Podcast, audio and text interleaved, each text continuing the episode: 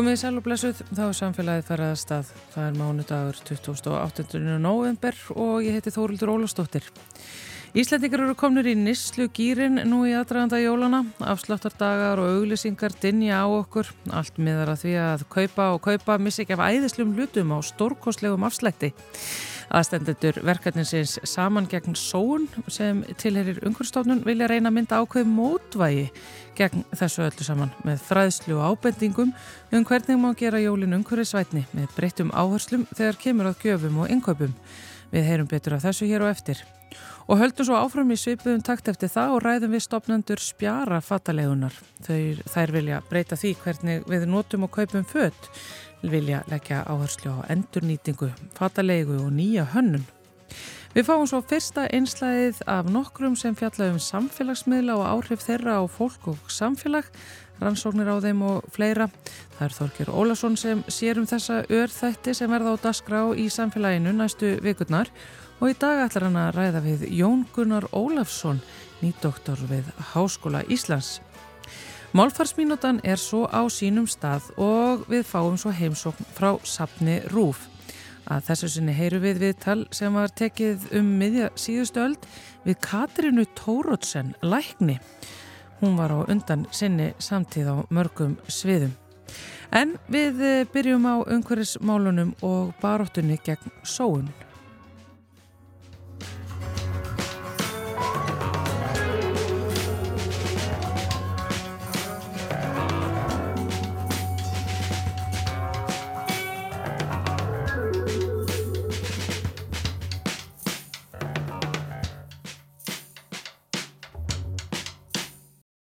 Það var allar maður þóra að segja það en það stittist í jólinn. Við vorum óþyrmilega mynda á það, já, hér fyrir helgi og um helgina. Uh, svartur föstudagur sem var síðan bara ekki dagur, heldur líka einhvern veginn tegði tilbúið sig bæði inn í alla síðustu viku og yfir helgina. Það er leið að okkur að kaupa, kaupa, kaupa því að jólinn nálgast. Það er samt líka verið að setja upp ákveðið mótvægi við þessa neyslu og eðslu já, eiginlega svona áherslur sem eru settar á okkur eins og til dæmis hjá umhverjusstofnun. Þar var svo kvölduð nýttni vika í síðustu viku og svo er verkefnið saman gegn sóum farið af stað. Hún situr hjá mér Þorbjörg Sandra Bakke, sérfræðingur úr teimi ringrásarhagkerfi hjá umhverjusstofnun. Sælverstu. Sæl. Sko, já, segðu okkur frá þessum, ef að kalla þetta mótvæðis aðgerður? Já, við getum alveg kallað það, sko. Eh, við náttúrulega bara sjáum það að það hefur fær, færst sífælt í aukana að, að það er verið að hvetja okkur til enn meiri neyslu í kringum jólinn. Hún var nú alveg mikil fyrir en svo eru komnir allir þessi dagar, Singles Day, hérna, Svarturföstudagur, uh, Cyber Monday og allir þessi dagar og þeir eru náttúrulega, aðlilega eru þeir bara hugsaðar til þess að fá okkur til að kaupa ennþá meira mm -hmm. og þeir eru að virka, við sjáum það alveg. Uh, maður sér þetta allt í kringum sig og auðlýsingar eru hannar til þess að fá okkur til þess að kaupa ennþá meira og þetta bara verður einhvers konar störlun á þessum tíma. Og ég satt bara í bílnum um daginn og ég er nú ekki oft með kveikt á auðlýsingum svona, svona, svona lengi en ég sko, þetta er rosalegt magn sem að dýnur á manni. Og maður er einhvern veginn látinu upplifa það að maður sé að missa af. Mm -hmm. bara, hérna, bara í dag eða bara um helgina, alltaf seljast. Og þetta er raun bara hanna til þess bæði að losa lagerinn hjá sumum verslunum en líka er verið ofta að lækka hérna, hækka verðið aðeins fyrir þessa daga og svo lækka þarna þannig að við bara kaupum. Og þegar það eru svona Já, þegar þetta er gert þá er það ekki til þess að vera eitthvað næs við okkur, bara já, okkur langar svo að selja viðskiptum vinum okkar e, vörur á, á hérna ódýrara verði heldur er þetta gert til þess að við förum og, og, okkur, og að við upplifum svolítið svona e, að við munum missa af, við förum ekki bara strax að stað já. Þannig að, hérna, þannig að við fyrum að kaupa með eitthvað sem okkur vantar ekki í raun og óþarfa. Já. Þannig að það er í rauninni verið svona svolítið að gappa í okkur heilan. Það, það er, er það, já, og það virkar, ég finn það alveg á sjálfur sem ég verið líka, sko, þetta já, er bara þetta dýnur að manni stanslist, þá fer maður að hugsa býtinu við, vanta mig eitthvað. Og svona mitt ráð til þess að kannski vinna gegn þessu er að sko kaupa ekki þessum dögun nema mig hafi líka vantaða fyrir vikur síðan eða fyrir mánuðið síðan já, já. þú veist að því við förum í alverðin að leita bara eitthvað, hérna, mér vantar eitthvað öruglega, hvað geta verið uh, en við erum ekki að tala móti að fólk nýti sér þessa daga eða nýti afslætti ef það raunverulega var bara búið að sjá, heyrðu mér vantar hérna bráðnislega kuldaskó þessi dagur, dagur er í vændum, það er mjög líklegt allt verða 20% afslæti, þú veist, það er allt annað mál sko, en mm. ef mér vantar það ekki fyrir þremendögum, þá vantar mér það ekki allt í einu þegar þessi afslættur kemur sko. Já, vissulega, þetta er alveg rétt, en sko þessi, já, þessar aðgerðir sem að þið eru að fara í hjá umhverfstofnunum, bæðið og nýttni vikan sem að var í síðustu viku, hvað hva fælst í þessu öllu saman? Sko, bara hérna til að tala fyrst kannski um nýttni vikuna hún er á hverju ári og hún er svolítið til að fá okkur til að endurhugsa bara í raun okkar neyslu og, og nótkunn á hlutum sko. Og í þetta sinn var áherslan á textil og sjálfbæra nótkunn textils og hérna og þá er bara þú veist svona eh, einhver fókus og, og í ár lögðu við til dæmis áherslu á að fá bara alla vinnustadi til þess að halda fataskiptimarkaði um Þannig að, þetta er bara mjög einföld aðgerð sem eru svona gleðileg og hún minnir okkur svolítið á að við þurfum ekki alltaf eitthvað nýtt og, og, það, og þetta er skemmtilegt, það er gaman að skiptast af fötum og svona. Eh, en svo er það hitt, eh, svona herrferð sem við erum í, eh, í tengslum við jólaverslunina. Það er uh, verslun sem að snýst kannski svolítið á, það gengur út á það að minna á að það sem við raunverulega beitur okkur vel í þann og, og stýður við vel fyrir okkar til lengri tíma, það er ekki neistla og fullt að gjöfum eitthvað, heldur er það samvera og gæðastundir og jólin eiga náttúrulega kannski frekar að snúast um það heldur en eitthvað neistlubrjálaði. Þannig við erum bara svolítið að benda og það er hægt að sleppa þessari, hérna, þess, að missa sér í neistlunni og frekar bara gefa samveru nýta þennan tíma sem að fer ég að eldast við ykkur, hérna, einhverjar útsölur og eitthvað bara þess í gæðastundir vera með fólkin okkar að því að tími er það sem er bara dýrmætast af öllu og tími með þeim sem að skipta okkur máli held ég að sé alveg óhætt að segja að sé bara Já. miklu, miklu hérna, mikilvægar heldur en heldur, en það að eiga eitthvað sem við nótum svo stuð, skamma stund sko dæmi að þessari svona jólaherferð sem við í samangegn sóun erum með, þá erum við að segja hluti eins og að bjóðast til að passa barnabörnin er gjöf sem gliður þvert á kynnslóðir, samvera alvöru jólagjöfin í ár undafarin hundrað ár. Blikkandi smáhlutir, glæðja skammastund samverustundir, glæðja ævi langt. Tískugjafir koma og fara samverustundir sitja eftir. Fótanættæki fylla geimslur samveru stundir fylla hjörtu. Ég vona að einhverju takki þessar hugmyndi til sín.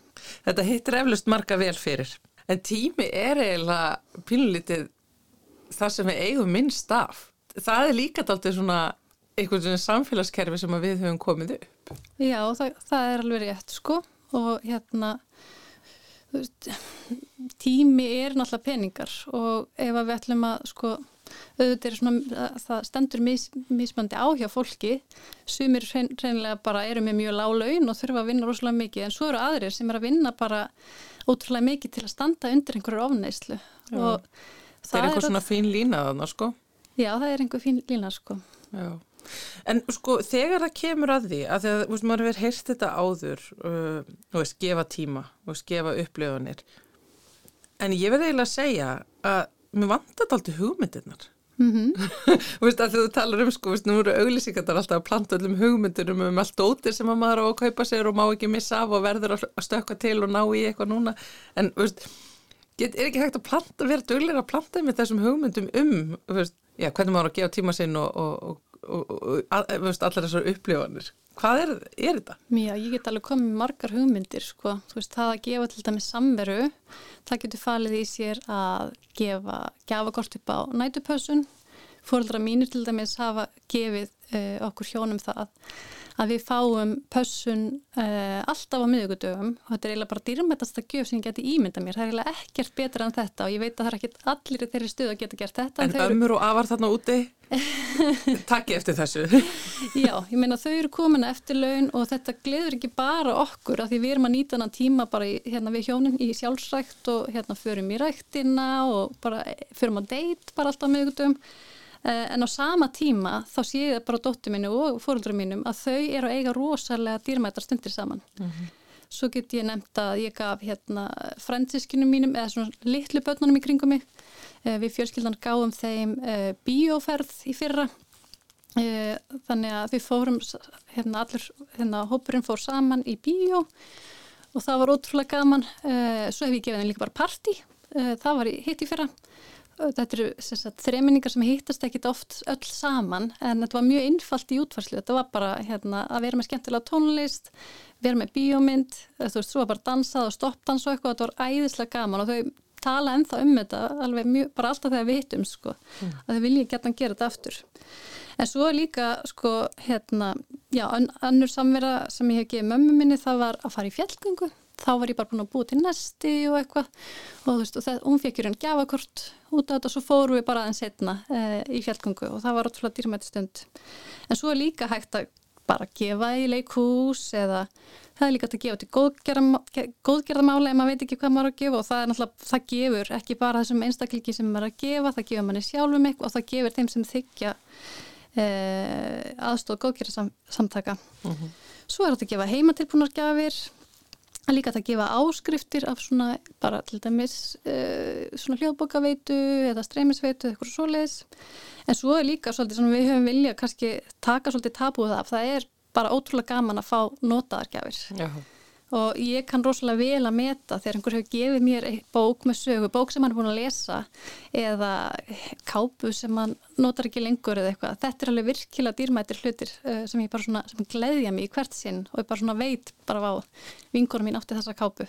Og mér þykir svona ekstra vendum hann fyrir vikið. Já og þessi fataskiptimarkaður og vinnustöðu sem að, veist, vor, er að fara við fram einmitt í nýttnivíkunni og mér skilst að séu nú sumstaðar með þess að framlengtur hafa slegið svo mikið í gegn. Og það er líka náttúrulega algjörlega frábært, bara komið nýja flík Já. á þessu kaupana. Já og veist það er svo margt svona skemmtilegt sem fylgir því. Það er bæði sko til dæmis að mæta í kjóli vinnuna sem einhver annar á og bara veist, það, það býrti nýja tengingar. Veist ég er á stórum vinnustaf og ég hef, þú veist, tekið kjól sem að, þú veist, samstarfskona mín sem ég er ekkit einhverjum, ég er ekkit mikið að vinna með en allt í nöru við komum með tengingu og það er ótrúlega gaman. Já, þetta er skemmtileg. Og svo er líka bara hægt að næla sér í jólaföt á svona skiptimörkuðum og jafnvel gafir fyrir, fyrir jólinn, sko. En svo til dæmis eh, hef ég hérst að jólasveinarnir eh, eh, hafi komið við að við á vinnustöðum og verið með svona skókjafa endur nýtingarhorn. Já, við höfum gert það fyrir jólasveinarna að þeir geta komið til okkar á svona einhver tíman bara í byrjun desember.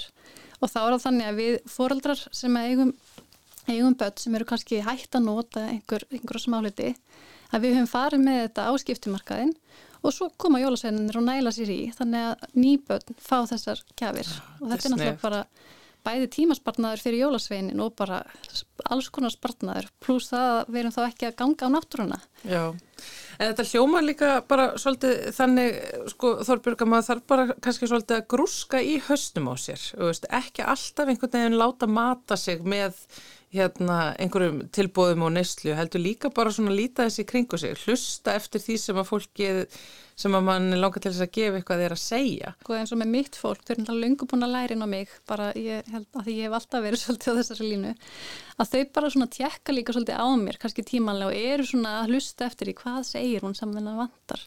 Og núna fekk ég til með þessi ammæluskjöf í september, þá fekk ég frá þóldurum mínum eh, nagladekk á hjóli mitt sem náttúrulega búið því að það að mér búið ganga mun betur eh, að hjóla í vinnuna ég veitur heldur en ég vilt alltaf og þetta er náttúrulega bara þú veist, þetta er ekki bara hérna, einhvern veginn, bara spot on einhvern veginn hjá þeim að kveikja ja. þessu heldur er þetta bara eitthvað sem að ég verður svo fáralega þakklátt fyrir því að veðrið er bara svo geggjað ja. þannig að þetta er bara búið að auka lífsgæði mín mjög mikið eh, þau hefðu alveg gett að gefa mér eitthvað svona bara eitthvað sem þið fannst fallegt eða eitthvað en þú veist, það ef mér vantar það ekki, þá mun það ekki glæðja mig jafn mikið. Já.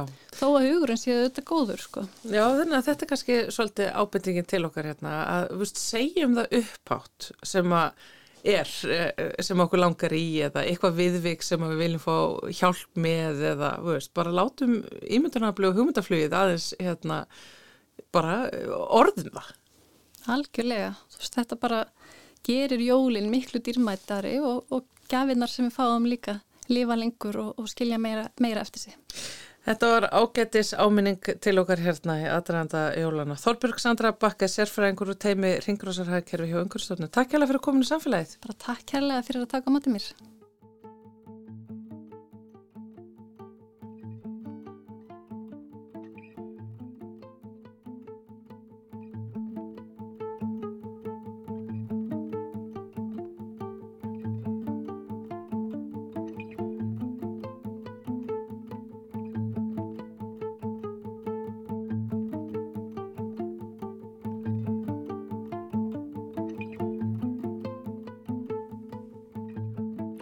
Og áfram höldum við hér í samfélaginu eins og Þorbjörg myndist á hér áðan var eh, nýtni vikan svo kallaða í síðustu vikum. Áherslan sérstaklega lögð þar á textil og fött og það leður okkur einmitt inn í næsta efni. Við ætlum að eh, rýna í fyrirtæki sem var stopnað í anda nýtni vikunar. Það sem textil, endurnýting, tíska og fatanótkun er endur hugsuð.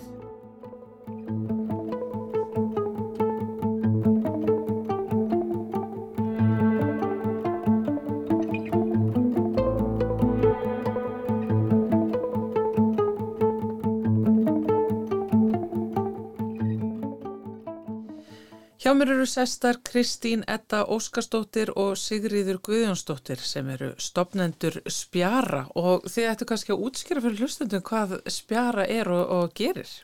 Já, við sem sagt erum fatalega, við leiðum út e, spariklæðnað fyrir sparileg tilefni. Um, við svona einblínum á um, merkjaföru eða svona, já, og uh, já, þetta gengur rauninu bara út af það að það er hægt að koma til okkar, leiða sér kjól eða topp eða jakka fyrir ákveðin tilefni og skila svo aftur. Já.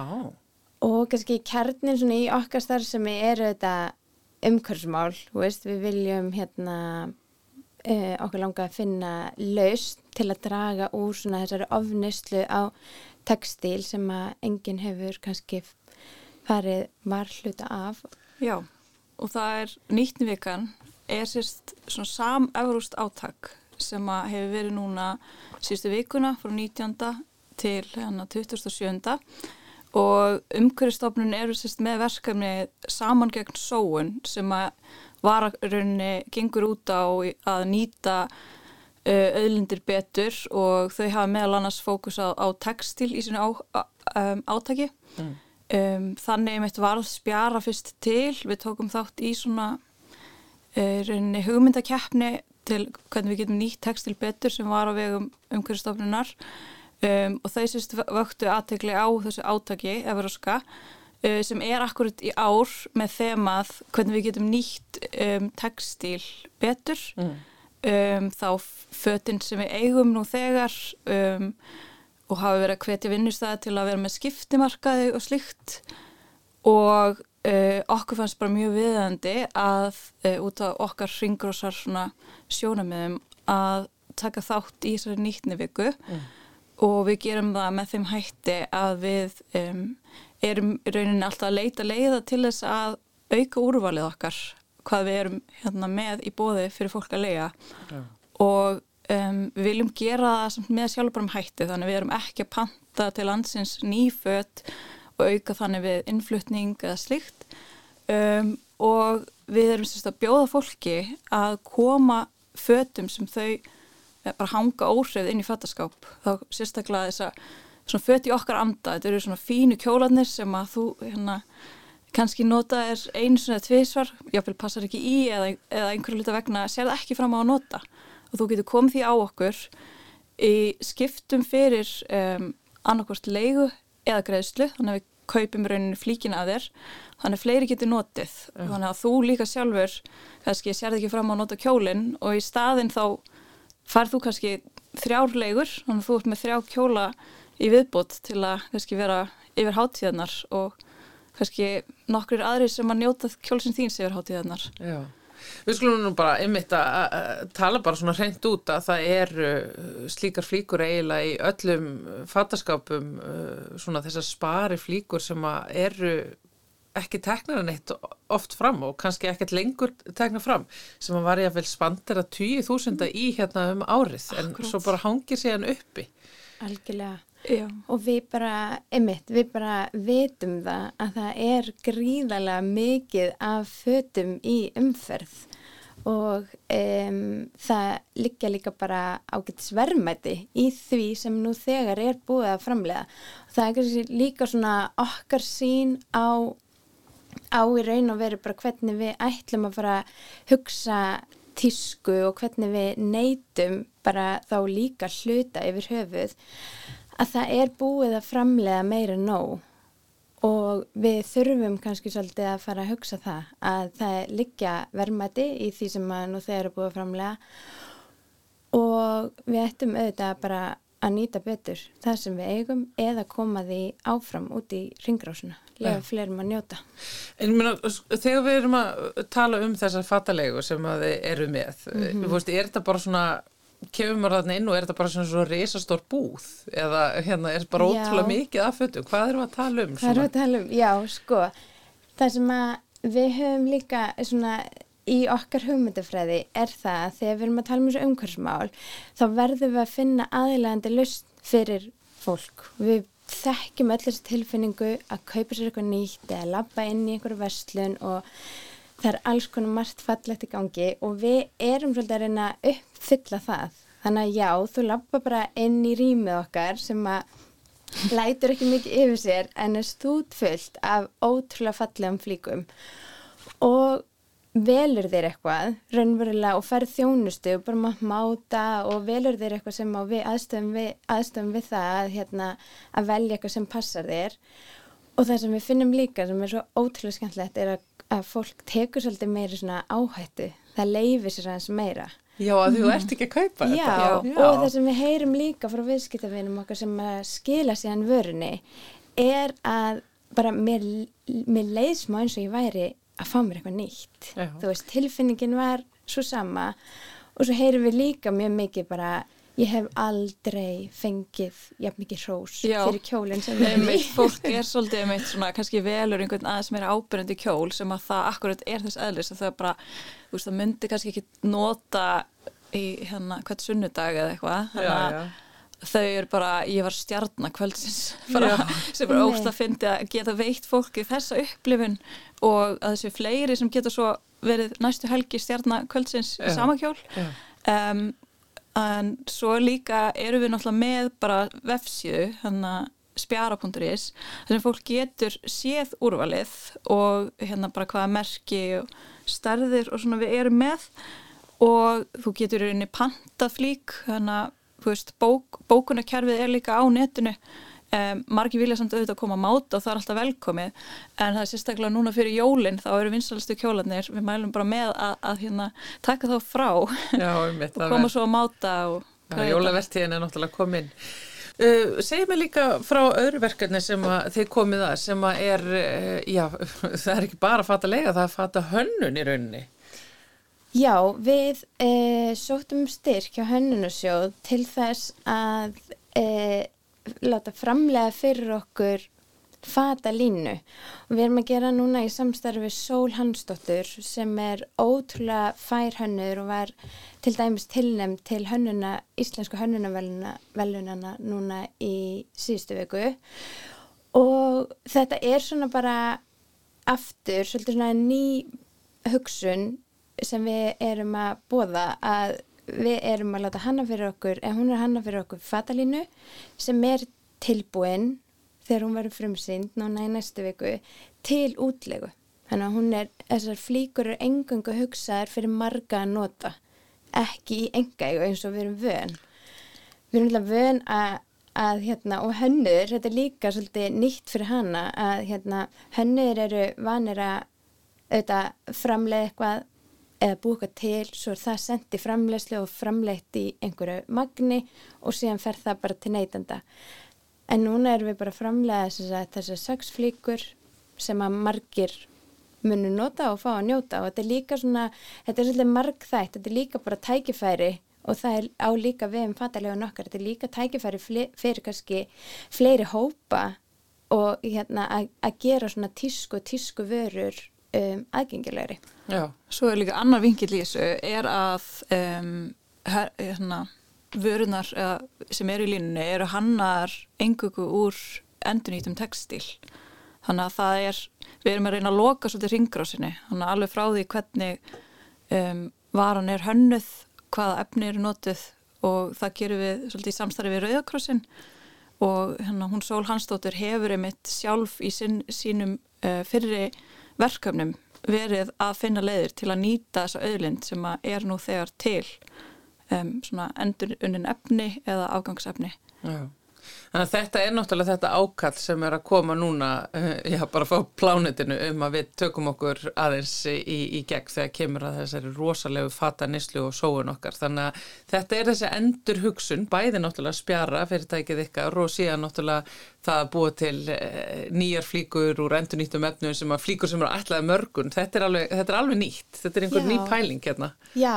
Það er lungu tímabær. Já, í raun og veru, algjörlega og bara ótrúlega spennandi og við veginn, já, við getum ekki beðið eftir að sína fólki afraksturinn og, og svona hrista aðeins upp í hlutunum. Já, já, bara verður gaman að fylgjast með þessu um að gera að reyna að tekla eitthvað þessa neyslu og emitt, horfa aðeins inn í fataskápin sinna því að það er nú þar sem að mesta eðslan og neyslan og sóunin fer fram. Takk hella fyrir að koma hérna til okkar í samfélagi Kristín Etta Óskarsdóttir og Sigriður Guðjónsdóttir. Stofnendur Spjara. Takk, Takk fyrir.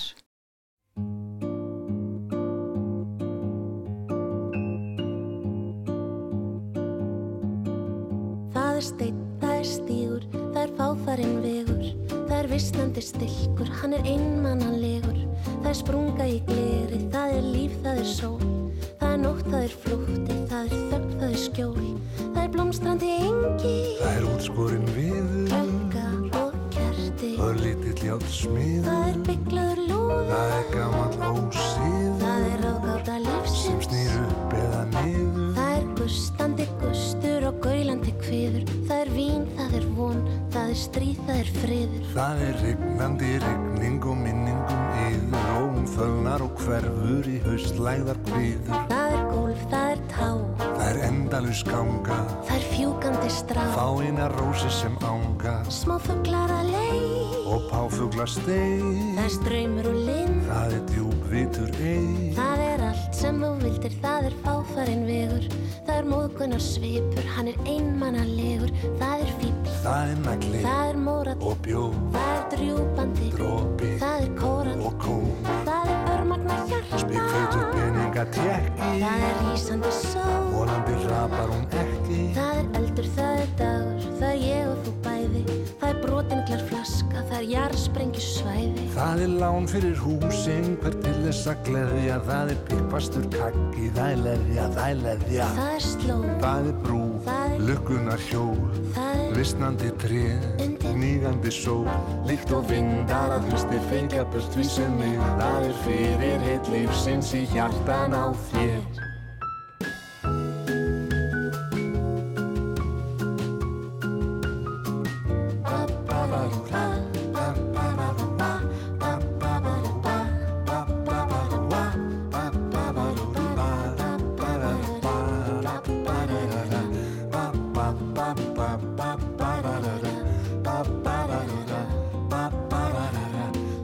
fjúkandi steinn Það varst þú, sem var sitt það er blæð Landi hönd í holdin Þinn flipp eins og vindar að hlusti blása burt því sem er. Það er fyrir heit lífsins í hjartan á þér. Það er steinn, sem að fíkur fá. fáfarinn við það er visslandi Hann er einmannalegur Það er slóð, það er brú. Það er tríklandi tá Það er nýsjónar bruna sá eins og vindar að hausti blása burti sem er. Það er fyrir heit lífsins í hjartan á þér. Steitt, sem að fíkur Það áfarinn vegur, Það er viss, visnandi, stilkur. einmannalegur. Það er slóð, það er brú, það er dregafullt ár Það er nýsjónarringur, það er dregafullt ár Nýsjónarringur, það er dregafullt ár Nýsjónarringur, Sjónarringur, sjónarringur sjónarringur, Sjónarringur sjónarringur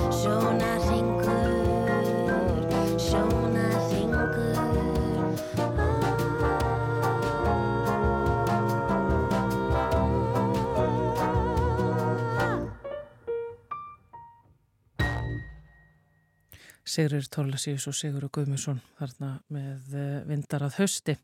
Þetta er eh, Bossa Nova ballada sem er svo til Brasilíu, fullkomið vetrar lag. Áformöldu við hér í samfélaginu, við ætlum að eh, taka af stað með nýja örþáttaseríu sem er á daskra hér í samfélaginu og fjallinu samfélagsmiðla. Í einslægin í dag ræðir Þorgir Ólásson við Jóngunar Ólásson, nýdoktor við Háskóla Íslands um upplýsingaóreðu, falsfrettir og upplýsingastríð. Þeir ræða meðal annars hvað er átt við með þessum hugtökum, mismunandi aðförum við að dreifa raungum upplýsingum og aðförum við að síja þar út.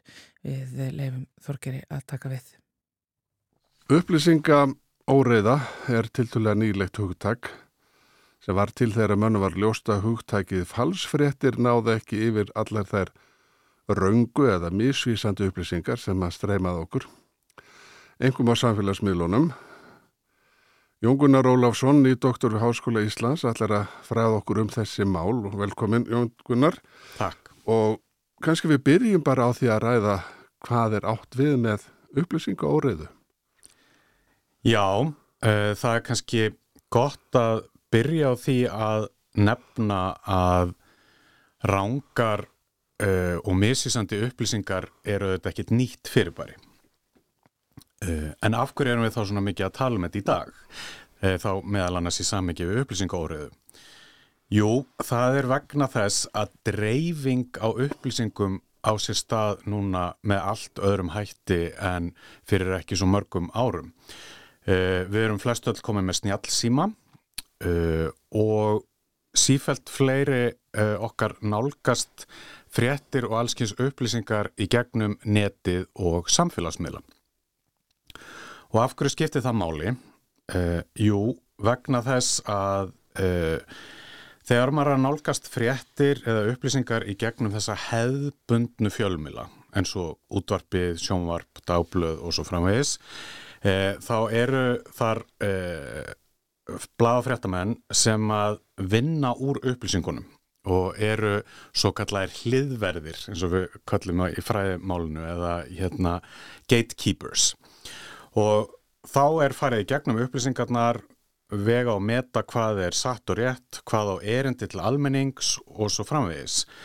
Um, á samfélagsmiðlum er þetta allt öðruvísi.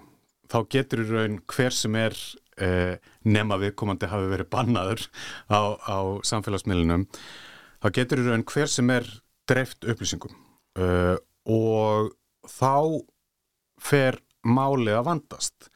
Uh, og skilin á milli þess sem er satt og rétt uh, rangt skoðanir, fréttir þetta fer að vera allt svo óljóst. Og það er í svona þessu samhengi sem þetta hugtak upplýsinga óreiða eh, kemur til sögunar. Eh, til að byrja með var mikið verið að ræðum falsfréttir eh, eftir Brexit kostningarnar og, og hérna, kostningarnar í bandaríkjunum 2016.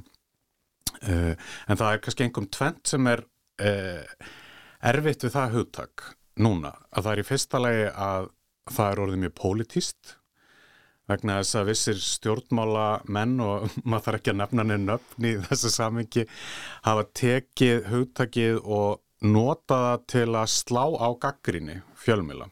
Þannig að segja að það er ekkit að marka það sem að þessi tiltekni fjölmiðl er að segja, þetta eru bara falsfréttir.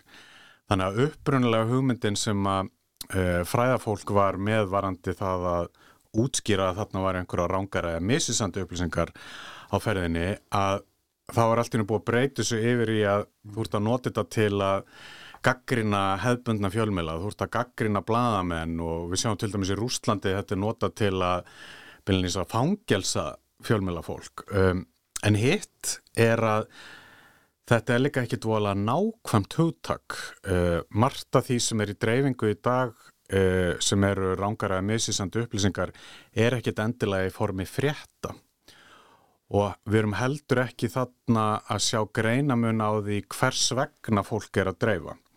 Uh, og þá kemur þetta hugtak upplýsingaóriða til sögunar og þar erum við uh, að skilja betur á milli þess sem að er ef að það verið að dreifa einhverju sko óafvitandi. Þannig að til dæmis eins og ef ég á minni Facebook síðu sé eitthvað sem að mér finnst mjög merkilegt og mér finnst að allir mínir Facebook-vinir verði að vita og ég dreifi því áfram. En svo kemur ljós að það, þetta er eitthvað vittlaust en ég veit það ekki eh, að það er það sem að kallast á ennsku misinformation. Og við hefum þýtt sem eh, misupplýsingar á íslensku.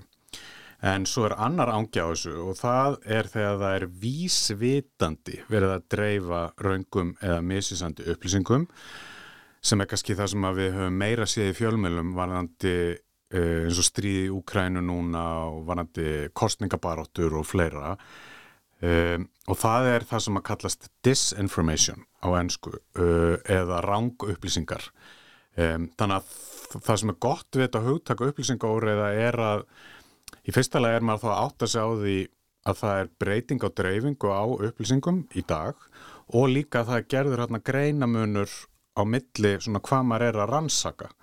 Um, þannig að þetta er svona það sem við erum í fræðunum í dag erum að nýta til að reyna að skilja hvað er að, að eh, eiga sér stað. Og svo til uh, líka main upplýsingar eða malinformation og það er þó skil, skilgrein þannig að þá er verið að dreifa réttum upplýsingum sem er af ásetningi mm -hmm.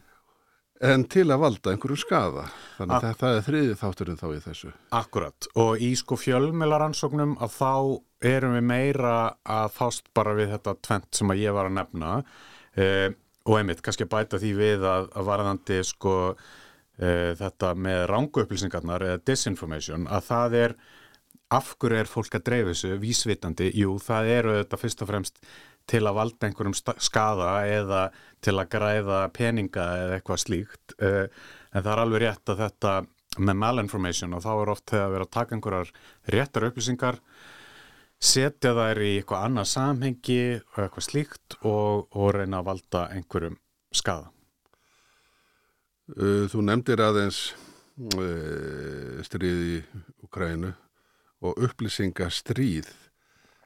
Þau hafa náttúrulega sjálfsagt alltaf verið til með einhverjum hætti en, en uh, er, er það mjög svona dæmigert fyrir um það hvernig upplýsingastríð eru háð núna þetta hvernig rúsar reyna að koma raungum upplýsingum á framfæri og, og viðbröð þá Ukrænumanna við þeim? Ég það er auðvitað rosalega margt áhugavert við þetta Ukrænustríð og, og svona upplýsingadreyfingu. Við sjáum líka bara hvernig sko fórseti Ukrænu hefur nýtt sér samfélagsmiðla til að koma sínum skilabóðum og framfæri eh, til Vesturlanda. Uh, en sko kannski eitt sem að tengist þessu og ef maður er að velta fyrir sér hvað er nýtt, af því það eru auðvitað ekki nýtt að þessi sko stríðandi fylkingar sem er reyna að koma sínum skilabóðum og framfæri í gegnum einhvern áróður eða annað. En í dag þá búum við bara við svo mikla upplýsinga ofgnótt uh, og eitt sem er mjög mikið verið að gera að það er bara verið að kasta fram allskinn samsæriskenningum og ruggli til að afvega leiða og ruggla umræðina. Þannig að það er bara óbúslega erfitt fyrir henni almenna borgara eða henni almenna fjölmila neytanda til að átta sig á því hvað er í gangi.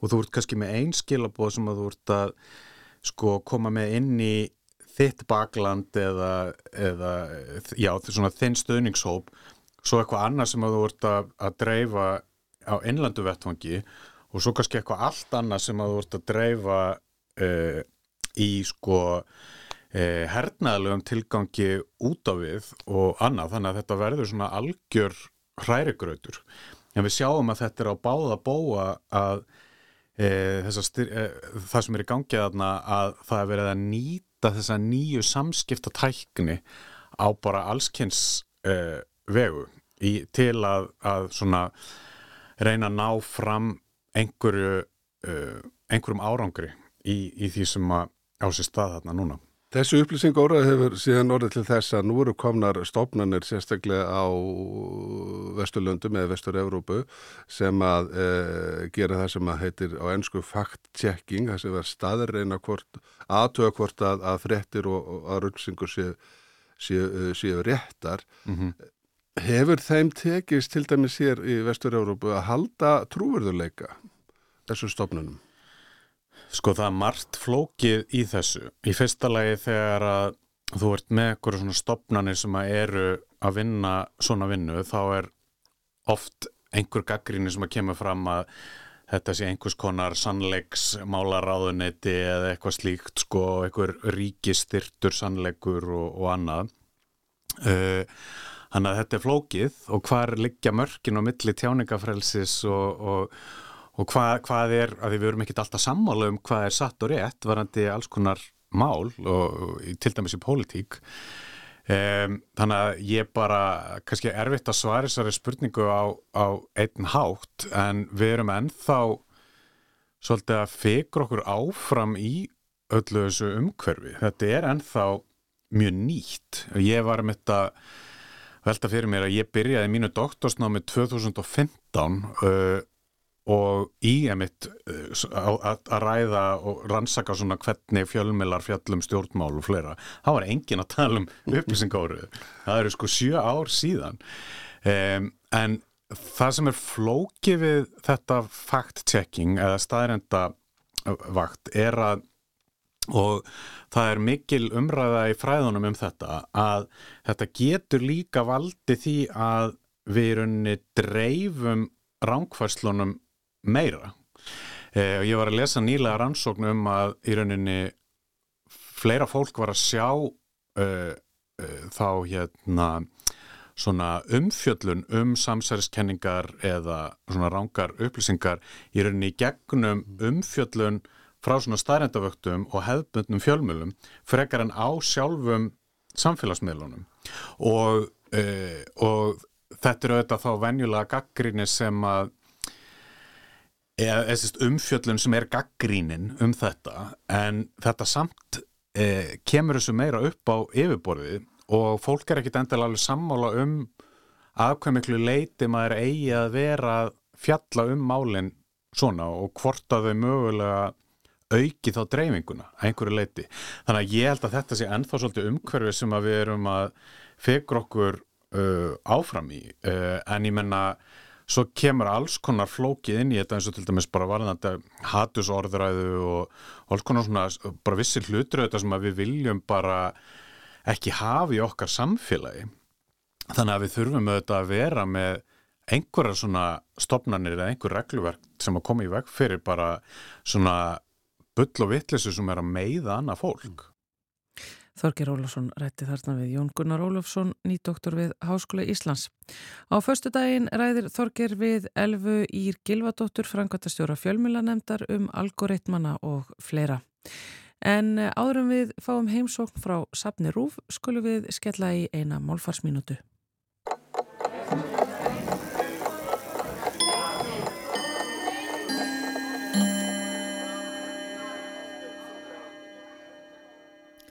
Forfeður í beinan kartlegg kallast langfeðgar. Orðið langmæðgur um formæður í beinan kvenlegg verðist eins og er ekki hafa tíðkast. Það er mögulega ástæðan fyrir því að nýjirða vefur átnastofnunar leggur það til um tengsl ömmu og barnabarna hennar. Hvorki langmæðgur nýja langfeðgar er þó notað um þau tengsl í daglegu tali. Það verðist allavega ekki algengt ef markam á samfélagsmiðla þar sem ömgur hefur rutt sér til rúms auk þess sem oft er spurt um heppilegt orð yfir þessi tengsl á tíðum miðlum. Samsvarandi orð um tengsl afa og barnabarna væri afgar í karlkinni og afgin í korukinni. Þetta hljómar kannski svo litið undarlega en þessi orð eru þó mynduð með sama hætti og mæðgur og feðgar. Það er af rót orðana með viðskeitum og ekkert við hana aðtuga. Það tekur bara svo litið tíma að venjast þessu.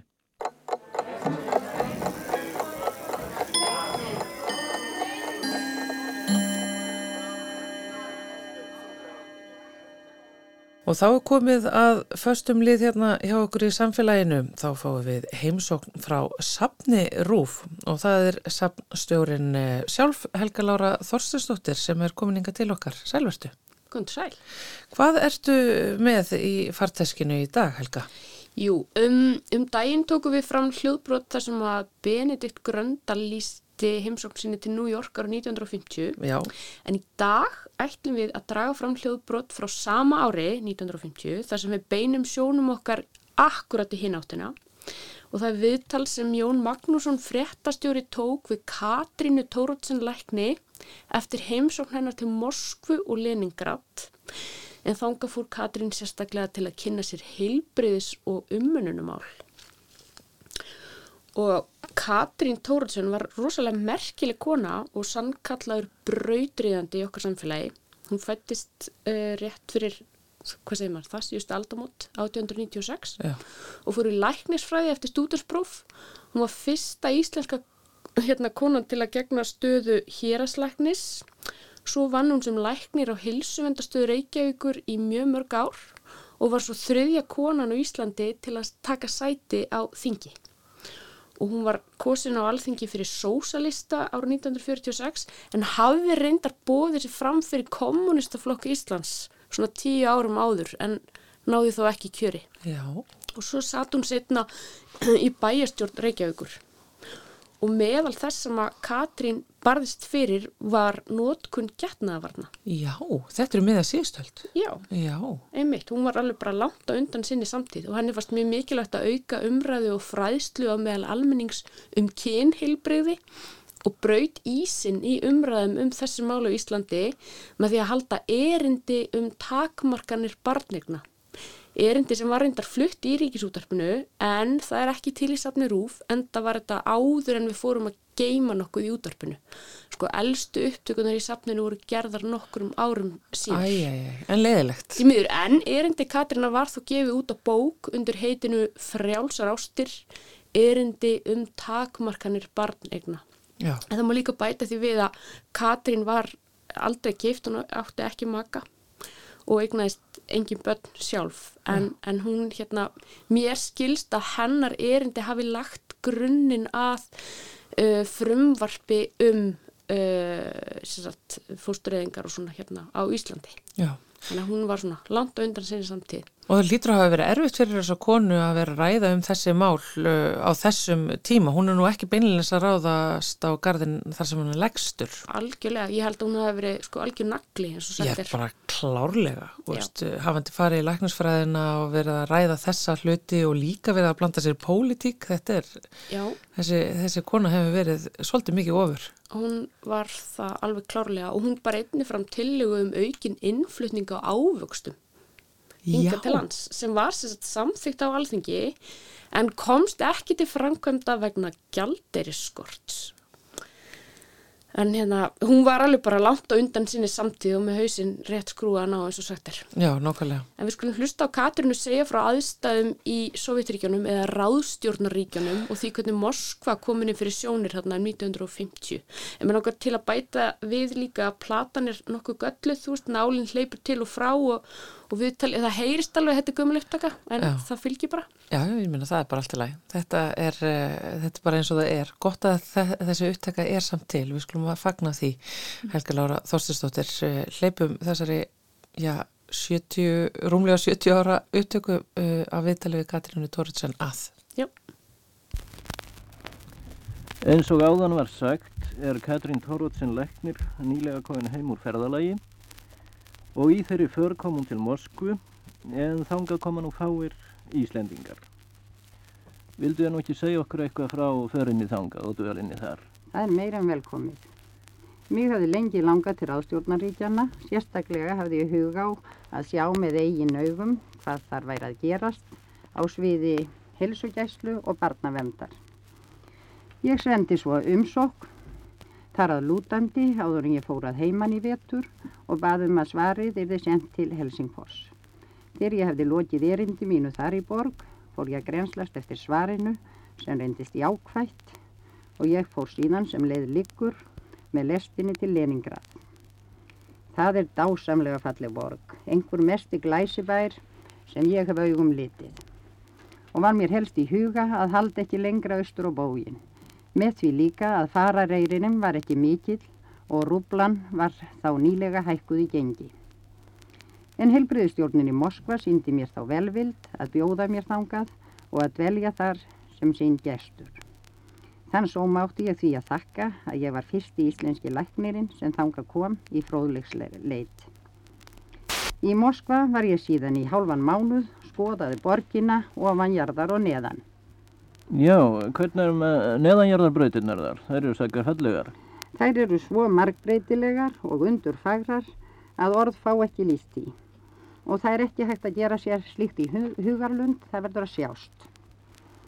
Helbriðis yfir völdin, greittu svo götu mína í kvívetna, letu mér í tíð þær upplýsingar sem ég óskaði eftir og sáu um að ég sæi þær stopnarnir sem ég var komin til að skoða.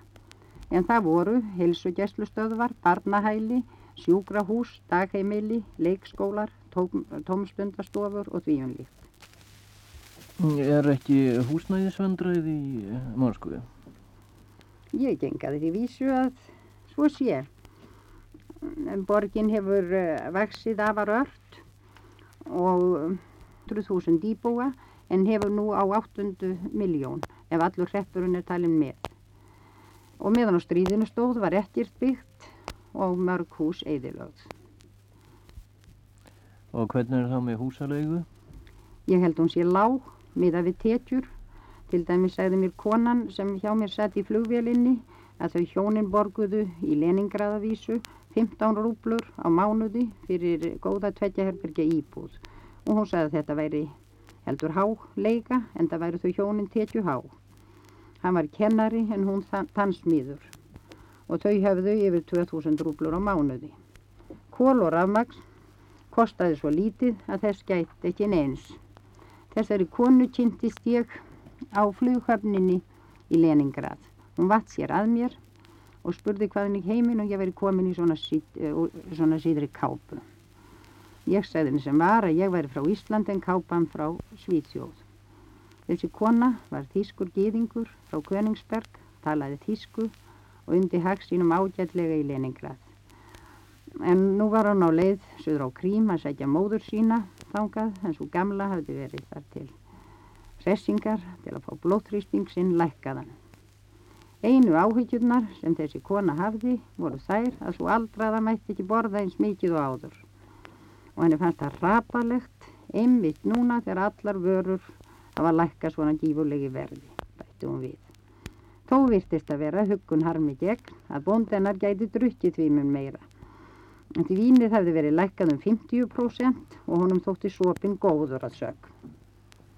Já, hvernig er það með verður í búðum? Er margar búðir og góðar byrðir? Mar búðirnar eru gífurlega margar, sumar stórar, aðra minni og þær eru fullar af vörum og fullar af fólki.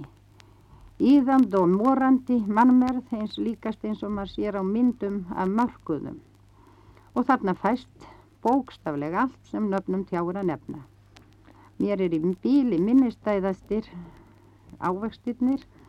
Þar voru nýjir ávextir, nýðursónir ávextir, þurkaðir ávextir, síkraðir ávextir og allar mögulegar tegundir. Og hvernig er nú verðlægið? Verðlægið, það er náttúrulega heldur hátt ef maður við, miðar við sína íslensku krónu en það er lágt miðað við kaupið. Ég, ef ég maður ber saman til dæmis verðlag á uh, kistihúsi við uh, Stokkólm þá fær maður heldur meira fyrir uh, rúbluna heldur en sænsku krónuna. Uh, hvernig var það sáinn okkar rammagsvörum í búðanum til dæmis? Já, já, já, já, fullt af þeim, allar mögulegar tegundir. Ég man að vísu ekki eftir að hafa séð ríksugu í glukka en ég sá þær í notkun á hótelinu. Og hvernig er með smávörur eins og úr, sjálflegunga og svoleiðis? Það sjálflegungar voru í stóru búðunum. Þeir notuðu mikið plastík í þá, syndist mér. Annars var plastík mikið notuð í barnaleikfeng líka. Úr voru í sérverslunum og ansi fallegsum, voru klukkur og því um líkt. Eh, hvernig leistu þið nú á klæðnað fólks? Já, fólksins. Já, hann, klæðinaður kallmannana var mjög áþekkur því sem annar staðar gerist. Það var meiri sundurgerð í klæðnaði kvenna, sumar voru velklættar og smekklega, aðrar ekki og þær voru fleiri af mér síndist. En ef til vill hefur mér fundist það af sömu ástæðu og þeim líkað ekki sittin á kápunum minni. Kjólatískan er ofurlítið frábröðin, kjólat eru stittri og mittið hærra, ef þeir eru nokkru nær, hvað já við með því. En hvað segir nú um fólki? Hvernig leistu þér á það sem þið sáðu? Mér leist ágætlega á það. Það var uh, glatt og yfirleitt kátt og hrest í bragði, framúskarandi vingjarlegt og alveg svalt fyrir umferðarreglum. Fótgangandi tók þau kvorki marka á umferðarljósum nefndingum lauruglunar. Það var allt á ábyrð bílstjórnana hvernig tiltækist og umferðin var af þeim sögum allt annað en hljóðlaus, eilist píp og blístur. Já, hvernig er með umferðina? Er mikið að bílum? Það er geysi mikið að bílum. Ég var hrifnust af smá fjagramannaförum sem heita Sigurvagnin. Það er fallegur og rennilegu bíl. Annars voru þeir af öllum tegundum þannig. Mikið af þeim á göttunum. Þér hafði nú náttúrulega spjalla við marga þarna, Já, bara já. mikið á stríðsótta hjá fólkinu. Nei, ekki neitt. En það er bara mikið á ógeði og stríði og eindreifnum friðarvilja. Eh, Komið þér á nokkurt enga heimili í Moskvu? Ég kom aðeins á eitt enga heimili í Moskvu. Eins og annar staðar þá kom ég aðeins á íslensk heimili. Og það var til fulltrúans okkar þar, Sigurðar og Ragnhildar Hafstad. Þau búa nú í húsi því er Krabpotkin fyrsti fættist í og sem hann segir frá í æfusögu sinni. Það er einlift steinhús, vistlegt og bjart og húsbændurnir eru ágætis fólk eins og ekki þarf að taka fram, það veit allir sem þau þekkja og auðvitað var heimilisbragurinn all íslenskur. Að því undanskildu þó að heimasæturnar, tvær indæli snákur, mæltu á rústnesku. Svo yngri, tveggjára, einvörðungu, en hinn eldri sem er sex ára segist vera jafnfær í báðum tungunum. En óskur var íslenskan blönduð hjá henni blessaðri. Hún tók mér með mestu virtum og þegar hún heyrði að ég væri vinkona ömmu sinnar, bað hún mig óðara fyrir bref til hennar svo eðlið er svo sem íslenskt enn. Þau hafstafsjónin una hag sínum vel og þeim líður ágætlega. Þau báðu mig fyrir kveðjur heim til sín og vil ég mega ljúka máli mínu með því að skila fyrir kveðjum.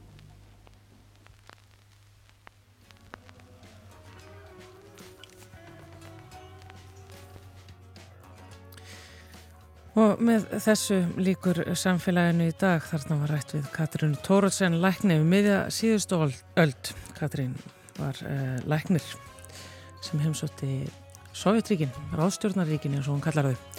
Þá er samfélaginu lokið í dag. Ég heiti Þóldur Ólastóttir. Við verðum aftur með þátt á sama tíma á morgun og segjum þanga til. Verðið sæl.